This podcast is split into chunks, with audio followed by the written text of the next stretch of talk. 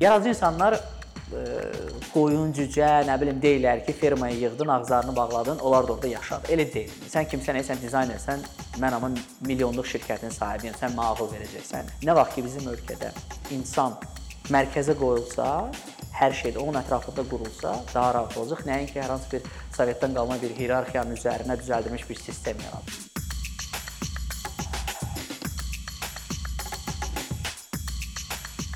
Real sən dizayn sahəsində kifayət qədər qısa müddətdə ad-san qazanmış azərbaycanlılardan birisən. Yəni Hı -hı. həm lokal bazarda, həm də xarici bazara çıxıb çıxa bilən az saylı dizaynlərimizdən birisən. Hı -hı. Və bilirəm ki, sən bu sahəyə çox təsadüfən gəlmisən. Sənə bir iddian, belə planın olmayıb, hətta təhsilin də olmayıb.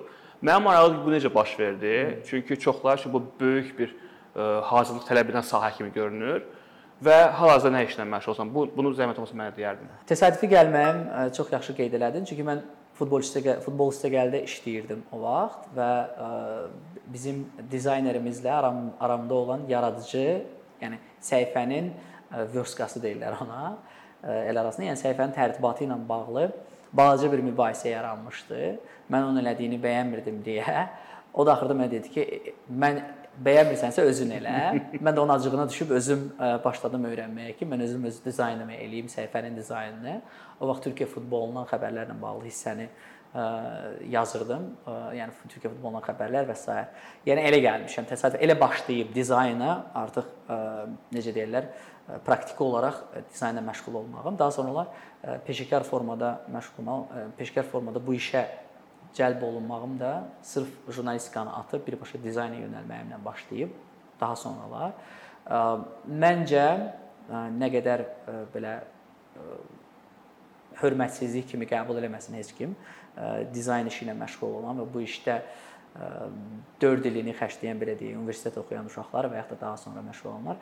Dizayn elə bir sahədir ki, orada əsas önəmli olan nəzəriyyə yox, təcrübədir və təcrübə ilə hər şeyi yəni özündə alışdıra bilirsən. Bir adətə çevirə bilirsən, o dizayn adətinə çevirə bilirsən. Bu da çox əhəmilidir məncə. Ona görə də məncə bir dizaynera lazım olan şey nəzəri biliklərdən əlavə dizayn intuisiyasının olmasıdır. Yəni sən birbaşa gözünün yaxşı gözün olmağı məsələsi var da, belə deyirlər. Yəni onun olmağı da əsas məsələ. Mən elə adamlar tanıyıram ki, dizaynerlərdən daha yaxşı anlayır dizaynı, dizayn seçimlərini, uğurlu dizaynın necə olmağını, nəzəriyyəsini bilməsə də təcrübəsində çox gözəl izah eləyə bilir ki, nə çatışmır hər hansı bir tərtibatda və yaxud da nə inkişaf elətdirilə bilər hər hansı bir tərtibatda. Ona görə də hə və, və mənim kimi təsadüfən belə deyək, dizayna gələn bir çox adamları tanıyıram. Kifayət qədər uğurlu və kifayət qədər maraqlı işlər görürlər. Elə bizim Azərbaycanda bunu deyim. İndi nə işlə məşğulsan? İndi hə, indi indi məşğul olduğum iş mən son Nyu-Yorka gələndən 1 1-2 il sonra mən Google şirkətinin Google deməyim, daha doğrusu Alphabet şirkətinin tərtibatlarını, daha çox B2B, yəni business to business olan tərtibatlarını, təqdimatlarını, daha doğrusu deyim, tərtibat deyirəm, təqdimatlarının dizaynlarını hazırlayıram. Presentation design dediyimiz sahədir və eləcə də event dizaynla bağlı həmin eventdə olan təqdimatların dizaynlarını həll edirəm. Müxtəlif cür B2B, B2C və hər cür təqdimat. Ağlınıza gələ biləcək hər bir təqdimatın dizaynları ilə məşğul oluram. Əsas işim odur, yəni gördüyüm. Sən nəzəriyyəyə biraz skeptik yanaşdın, amma mən istəyirəm e, nəzəriyyəyə biraz toxunum, çünki bununla bağlı bir neçə e, məqalə və kitaba çalışdım e, baxım ümumiyyətlə dizaynın tərifi nədir? Çünki dizayn anlayışı özü çox sürətlə dəyişən bir anlayışdır. Və son tapdığım izahlar təxminən belə idi ki, yəni dizayn bizim düşündüyümüz kimi rənglər, şrift, forma, ölçü deyil. Hətta heç dizayn həmin o elementlərin bizə verdiyi emosiya da deyil. Dizayn daha çox bir vəddir, bir iddiadır, bir düşüncə tərzidir və eyni zamanda dizayn e, səni bir qısa müddət ərzində səni qabağa aparıb və yaxud səni bütöv məhv edə bilər və yaxud da yeni bazarlar aça bilər. Yəni elə gücə malik olan bir şeydir. E, yəni bu mən dizaynla biraz bir balaca xəbərdar olan insan kimi bu mənə çox maraqlı bir tərif kimi gəlir. Çünki Hı. mən dizaynın necə böyük gücə malik olduğuna inanan bir insanam. Amma nə müşahidə edirəm, son ən azından işləməyə başladığım gündən bu günə kimi, yəni ki, 20 ilə yaxın bir dövrdə bizdə 20 necə əvvəl necə idisə, indi də təxminən təəssüf ki, o düşüncə var ki, dizayn ciddi bir şey deyil. Dizayn bir sadəcə bir köməkçi bir vasitədir. Yəni ən sonda onu düşünə bilərik. İndi əsas o deyil, əsas başqa şeylərdir. Sonda əgər bizim vaxtımız, əlavə pulumuz varsa, əlavə adamımız varsa, onu ayırarıq. Hmm. Yəni birincisi nəyə görə dizaynı bizdə Azərbaycanda belə barmaq arası baxırlar? Hmm. Və ikincisi nəyə görə məhz dizaynın vacibliyini anlamalı olan insanlar, tutaq ki, biznes qurumlar və ya təşkilatlar, hansı ki, ictimai əlaqələrlə çalışırlar, onlar bunu çox zəif görürlər. Yəni ona çox buna e, zəif diqqət ayırırlar. Bununla bağlı sən, sən bilirəm ki, təcrübən çoxdur Azərbaycan bazarı ilə. Sən nə düşünürsən bununla bağlı? Tərif məsələsi belədir ki, məncə o tərifin təriflə mən razı olub olmamağımın önəmi yoxdur. Mən dizayna subyektiv bir ə, amil kimi baxıram. Yəni dizayn hər bir insanın şəxsi mövqeyi olmalıdır dizaynda. Yəni fərqli ola bilər, ə, yaxşı pis ola bilər və bu ayırd olunmalıdır. Amma hər bir insanın dizaynla bağlı mövqeyi var, çünki subyektivdir və bu dəqiqə biz dizaynın tərifini axtarsaq Google-da, yəqin ki, bir yox, minlərlə fikir çıxacaq. Necə ki, məsələn, sənin xoşuna gələn bu nəzəri bir anlayış ilə bir birləşdirib özündə o termin kimi deyən adamlar da çoxdur. Mənim üçün dizayn dediyim kimi subyektiv olduğuna görə yəni mən onu qəlibə qoymağı sevmirəm. Biraz yaradıcı ə, yanaşma lazımdır orada. Düzdür, dizaynın ən önəmli hissələrindən biri onun kommunikasiya aləti olmağıdır və ə, burada bunu yaddan çıxartmaq olmaz. Amma dediyim kimi subyektiv olduğuna görə ə, məncə dizaynla bağlı fikirlər hər bir insanda fərqli ola bilər. Yəni sırf dizaynın nə olmağı ilə bağlı. Bundan çıxış eləyərək bayaq dediyim məsələyə görə nəyə görə Azərbaycanda dizayn bu qədər dizayna bu qədər önəm verilmir. Yəni hər hansı bir şeyin tərtibatını düzəldəndə ona ikinci dərəcəli bir şey kimi baxırlar, önəmli olmayan bir şeymiş kimi. Ona görə ki, çünki dizayn subyektivdir. Yəni sənin üçün ə, yaxşı dizayn nədirsə, başqaları edə bilər ki, məncə bu yaxşı dizayn deyil. Yəni elə bir sahədir ki, hər bir insanın bunun haqqında fikri var.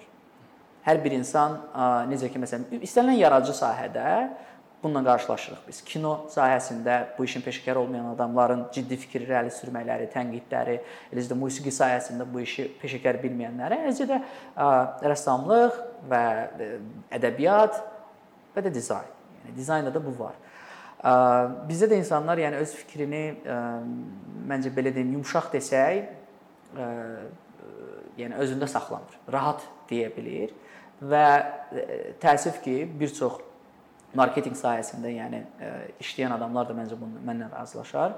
Bir çox şirkətlər, yəni dizayneri işə götürən adamlar, yəni dizaynin sifarişçilərinin çoxu e, öz fikirlərini hər şeydən qabağa qoyur. Məsələn, adam baxır, deyir ki, sən kimsən, sən dizaynersən, mən amma milyonluq şirkətin sahibiyəm, sən mənə ağıl verəcəksən. Yəni bu cür problem məncə hər sahədə var, tək dizaynda yox. Məncə bizim problemimiz sırf dizaynla yox, bu cür düşüncənin olmağıyla bağlıdır. Bu cür düşüncələr düzələndən sonra dizayna və dizaynerlərə, eləcə də dizaynın önəminə rol da dəyişəcək. Yəni daha doğrusu vacibliyinə diqqət də dəyişəcək.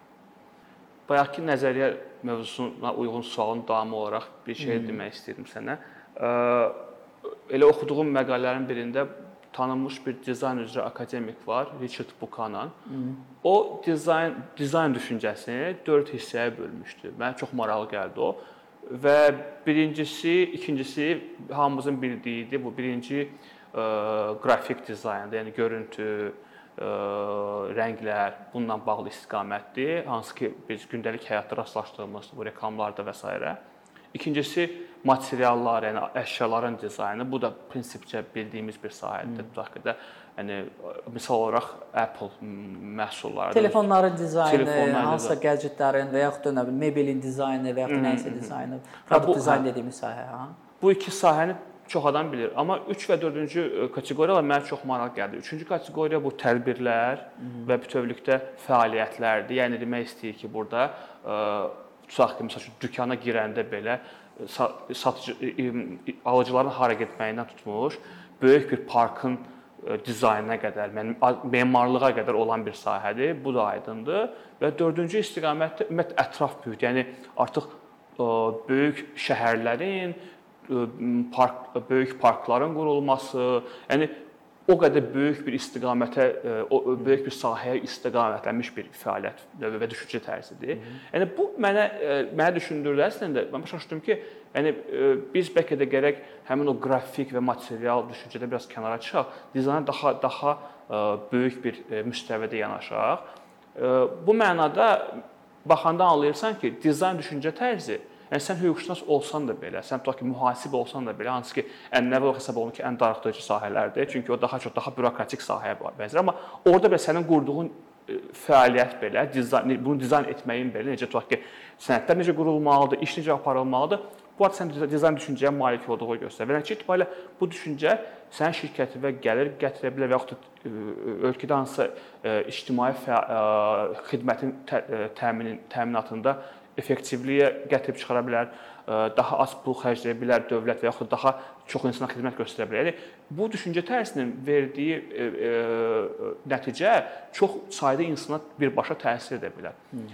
Mənə o maraqlıdır ki, yəni o bayaqki sual, o barmaqarası baxmaqla bağlı hmm. dizayn düşüncəyə daha böyük diqqət ayırmaqla hmm. müqayisə etməyə çalışıram. Çünki mən düşünürəm ki, biz dizayn dizayn düşüncəsinə çox diqqət ayırsaq, uşaqlarda, tələbələrdə, hətta şirkətlərin və təşkilatlarda bu ölkə olaraq bizə çox səmərəliliyə gətirib çıxara bilər. Yəni bu yəni, birincisi dizayn adi qrafik dizayn deyil, dizayn daha genişdir. Yəni o mənada biz ölkə olaraq həm təhsildə, həm tutaq ki də iş müəssisələrində və yaxud da dövlət müəssisələrində bu cür düşüncəyə Bu birinci bu düşüncənin tə təbliğatına, ikinci bu düşüncə düşüncənin e, mükafatlandırılması bəlkə də, bəlkə daha çox istifadə olması üçün nə etmək olar, nə cür nümunələr verə bilərsən sən bununla bağlı?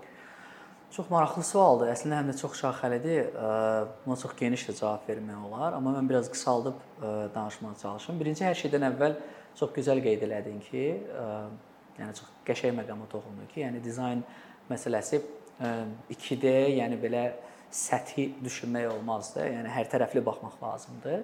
Ümumiyyətlə, yəni ideyanın belə dizaynı ola bilər hər şeyində. Yəni bu strategiyaya gedir artıq. Və sənin dediyin konkret bəzi məsələlər istifadəçi rahatlığı deyil. Mən belə tərcümə edirəm onu. UX dediyimiz məsələyə gəlir. Yəni hər bir insanın ətraf mühitlə əlaqəsi, ətraf mühitlə onun belə deyək də yəni ingilis dilində söz istifadə edirəm, interaction-i. Bu bu çox ünsiyyəti. Hə, ünsiyyəti. Ay sağ ol, çox sağ ol. Bağışla mən biraz ə, burada yaşayandan sonra artıq Azərbaycan dilində olan bəzi sözləri, terminləri tez-tez unuduram, amma bəhanə deyil bu. Ə, yəni bu bu önəmlidir. Yəni bu bu dizayn ə, tərəfinə baxanda, yəni istifadəçi rahatlığı önəmlidir. Amma bununla əlavə istifadəçi rahatlığının o bizim dediyimiz o dizaynın yerinə yetirilmə metodları da var da. Biz bilməliyik ki, nə uğurludur, nə uğursuzdur.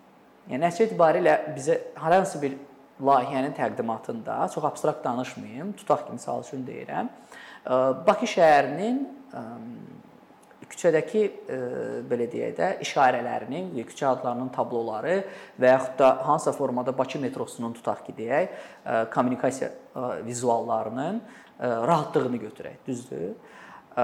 New York metrosunda olanlar yəqin ki, nə vaxtsa kimsə olubsa, bilməyənlər üçün onu deyim ki,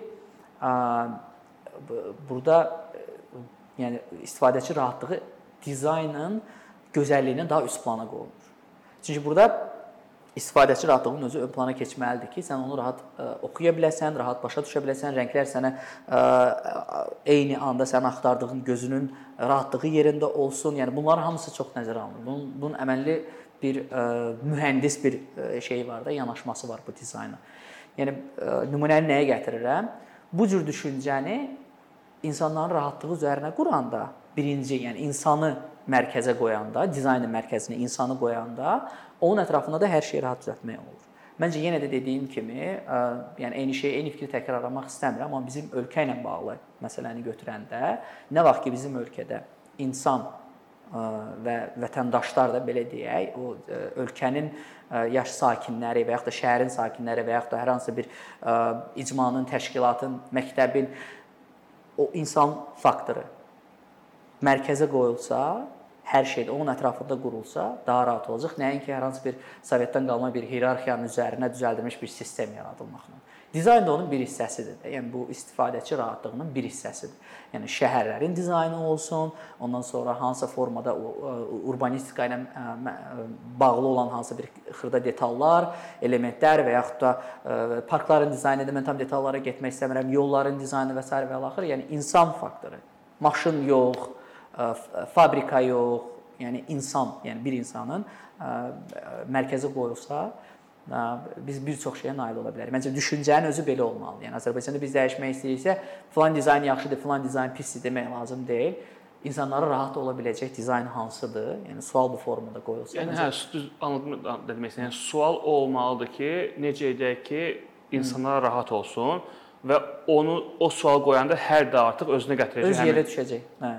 Çünki bu biz buna e, dediyim kimi də, yəni səthi baxmamalıyıq. Biraz üçdə baxmalıyıq ki, biz başa düşək ki, bu ortadadır, mərkəzdə və ətrafında, aşağısında, yuxarısında bunu elementlər var ki, onlar da öz yerinə otursun. Bu çox maraqlı məqam, çünki mən dizaynla e, məşğul olanda biz dizaynın özünə yalnız tutaq ki 10% vaxt sərf, 90% biz araşdırmaya vaxt sərf edirik və araşdırmada düzgün sualdan başlayırdı. Hmm. Yəni bu əslində çox maraqlı məsələyə toxundu. Əkinçinin videoların birində bizim spikerimiz Anar Vəliyev idi və o maraqlı bir mövzuya toxunmuşdu. Kreativ təbəqə və necə olar ki, onu biz cəlb edə bilərik ölkəyə. Hı. Və sən kreativ təbəqə ilə çox sıx ünsiyyətdə olan bir insansın və kreativ təbəqənin çox toplaşdığı bir yerdə yaşayırsan. Hı. Yəni Anar Vəliyev həmin videoda çox maraqlı təkliflər verdi, amma Anar müəllim nəzəriyyə tərəfdən bunu izah edib. Sən bunu praktik tərəfdən necə misallar verə bilərsən. Necə demək olar ki, Azərbaycanda, Bakıda Hı -hı. kreativ təbəqə üçün maraqlı bir məkan olsun. Orda orada işləsinlər, Hı -hı. yaratsınlar və gəlirlərindən vergi ödəsinlər. Hı -hı. Yəni bu bunun bunun üçün nə nə edilə bilər? Çox çox qəşəng sualdır. Mən bu haqqda hətta bir bir bir neçə dəfə belə deyim, layihələr hazırlamağa çalışmışam ki, ağlımda. Hansı formatda ölkədə qruplaşma yaratmaq olar, təşkilatlanma yaratmaq olar da. Yəni bunun önəmini çox izah eləmədən bəzi misalları gətirərək. Məsələn, elə New Yorkdan danışdıq. New Yorkun özünün əsrin əvvəllərində yəni bir çox hərəkətlər var idi. Art hərəkətləri var idi ki, yəni bu müxtəlif dövrlərdə, nə bilim, Rotkonun takıldığı belə deyək də, kobud formada bir qruplaşması, öz tusovkası var idi. Ondan sonra Andy Warhol'un yəni baskınla bir yerdə taxıldığı öz tusovkası var idi və s. Bunlar niyə önəmlidir? Çünki nə qədər banal da çıxsa tək əldən səs çıxmaq məsələsi var. Və artistlər, yaradıcı adamlar, bu yaradıcı işlə məşğul olan adamlar çox vaxt azlıq təşkil edir cəmiyyətdə. Onlar bir yerə yığılmalıdır ki, generasiya yaransın. Nə mənada? Yəni ideya generasiyası yaransın. Hər hansı bir hərəkat yaransın. Hər hansı bir təşkilatlanma olandan sonra da bu da rahatlanır. Məncə bizi bizdə siyasi ictimai vəziyyət elədir ki, hazırda istənilən təşkilatlanma belə mənfi qarşılanır. İstər dövlət strukturları tərəfindən, istər hakimiyyət tərəfindən şübhəli yanaşılır.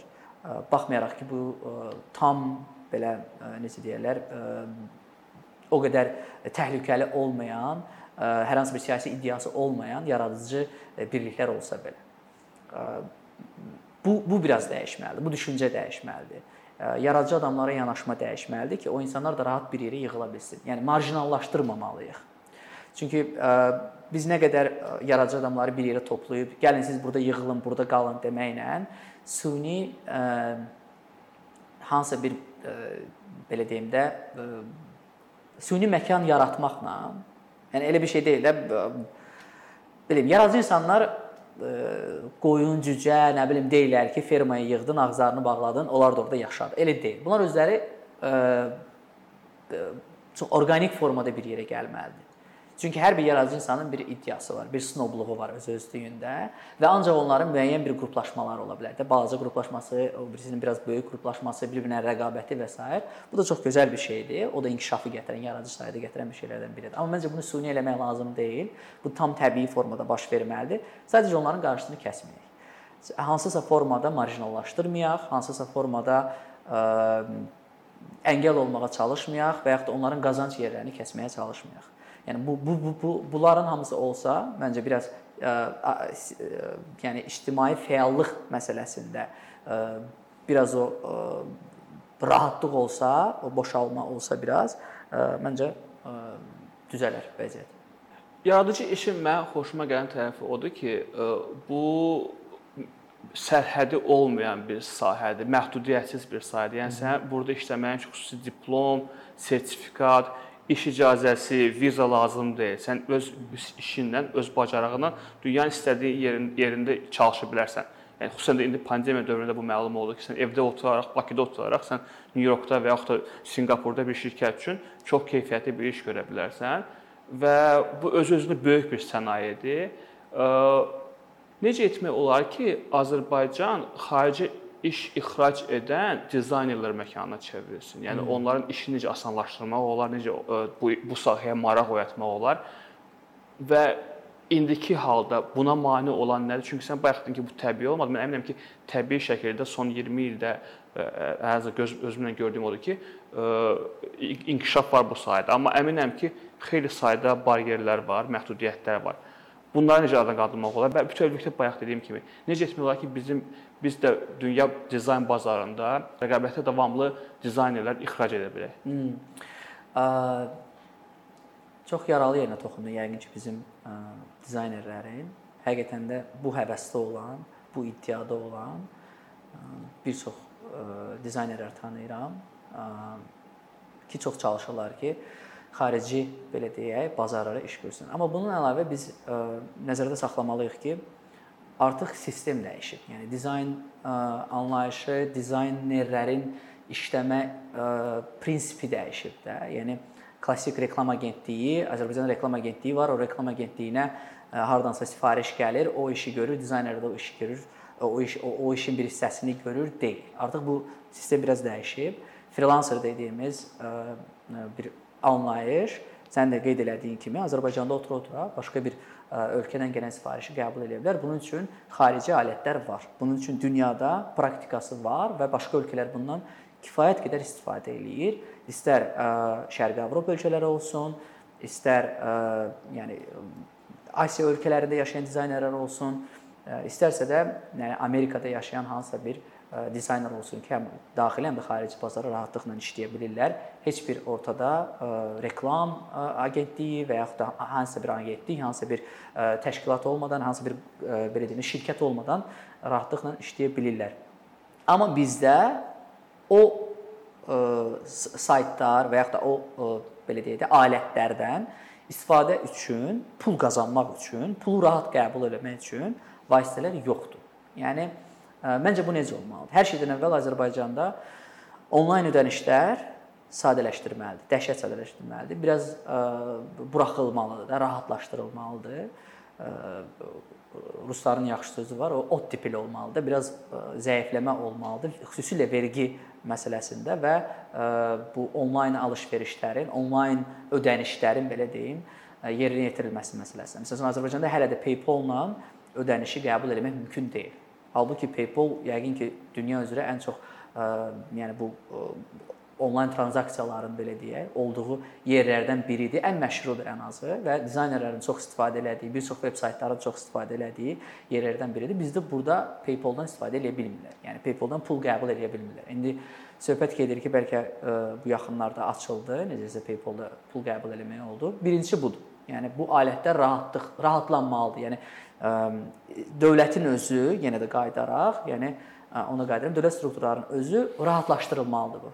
Bu şərtləri asanlaşdırmalı. İkinci vergi imtiyazları. Dizaynerlərə hər hansı bir biznes sahibi kimi baxmamaq, ondan sonra onların elədiyi işlərə motivasiya eləmək üçün tutaq ki, deyək ki, onları həvəsləndirmək üçün hansısa formada vergi imtiyazları olmalıdır. Mən bilirəm ki, bizdə məsələn Bakıdakı vergi faizi ilə digər bölgələrdəki vergi faizi eyni deyil. Məsələn, bu çox əla bir belə deyim şansdır. Yerli vergi orqanları üçün tutaq ki, Mingəçevirdə hər hansı bir vergi orqanı üçün deyə bilər ki, 2 il vergi vermirsiniz, gəlin burada qeydiyyatdan keçin və s. və bu həm də nəyə kömək eləyə bilər? Qara buğalteriyadan ağ buğalteriyaya çevirə bilər bütün dizaynerlərin işini. Yəni bu yəqin ki, heç kimə sir deyil ki, Azərbaycanda 99% dizayn işi ilə məşğul olanların çoxu, yəni qara buğalteriyadan istifadə eləyir, vergi ə, hesabatını heç ora salmır, çox cüzi miqdarda və bu da vergidən yayınmaya gətirib çıxardır. Niyə? Çünki məncə inanıram ki, bu tək dizayn məsələsində deyil, bir çox yerlərdə var. Amma bunlar olsa, yəni mənim eşitdiyim dizaynerlərin çox narazılıq elədiyi məsələlərdən biri budur. Yəni ə, Azərbaycan Azərbaycandan xaricə belə deyək, Azərbaycanda X qiymətə görürdüsə, xarici 2x qiymətə görürsə, 2x-in vergisini almasınlar dizaynerlərdən hmm. belə deyim. Bu rahatlıqlar ondan sonra onlar da hər şeyə açılacaqlar. Kifayət qədər potensial var çox güclü ə, iş görə biləcək. Yəni ən azı o ə, müəyyən standartlara uyğun ə, iş görəcək dizaynerlərimiz ə, bacarıqlı, ə, çox da ə, həvəsli ə, uşaqlar çoxdur. Çox sağ ol Real maraqlı müsahibəyə görə. Sən sağ ol.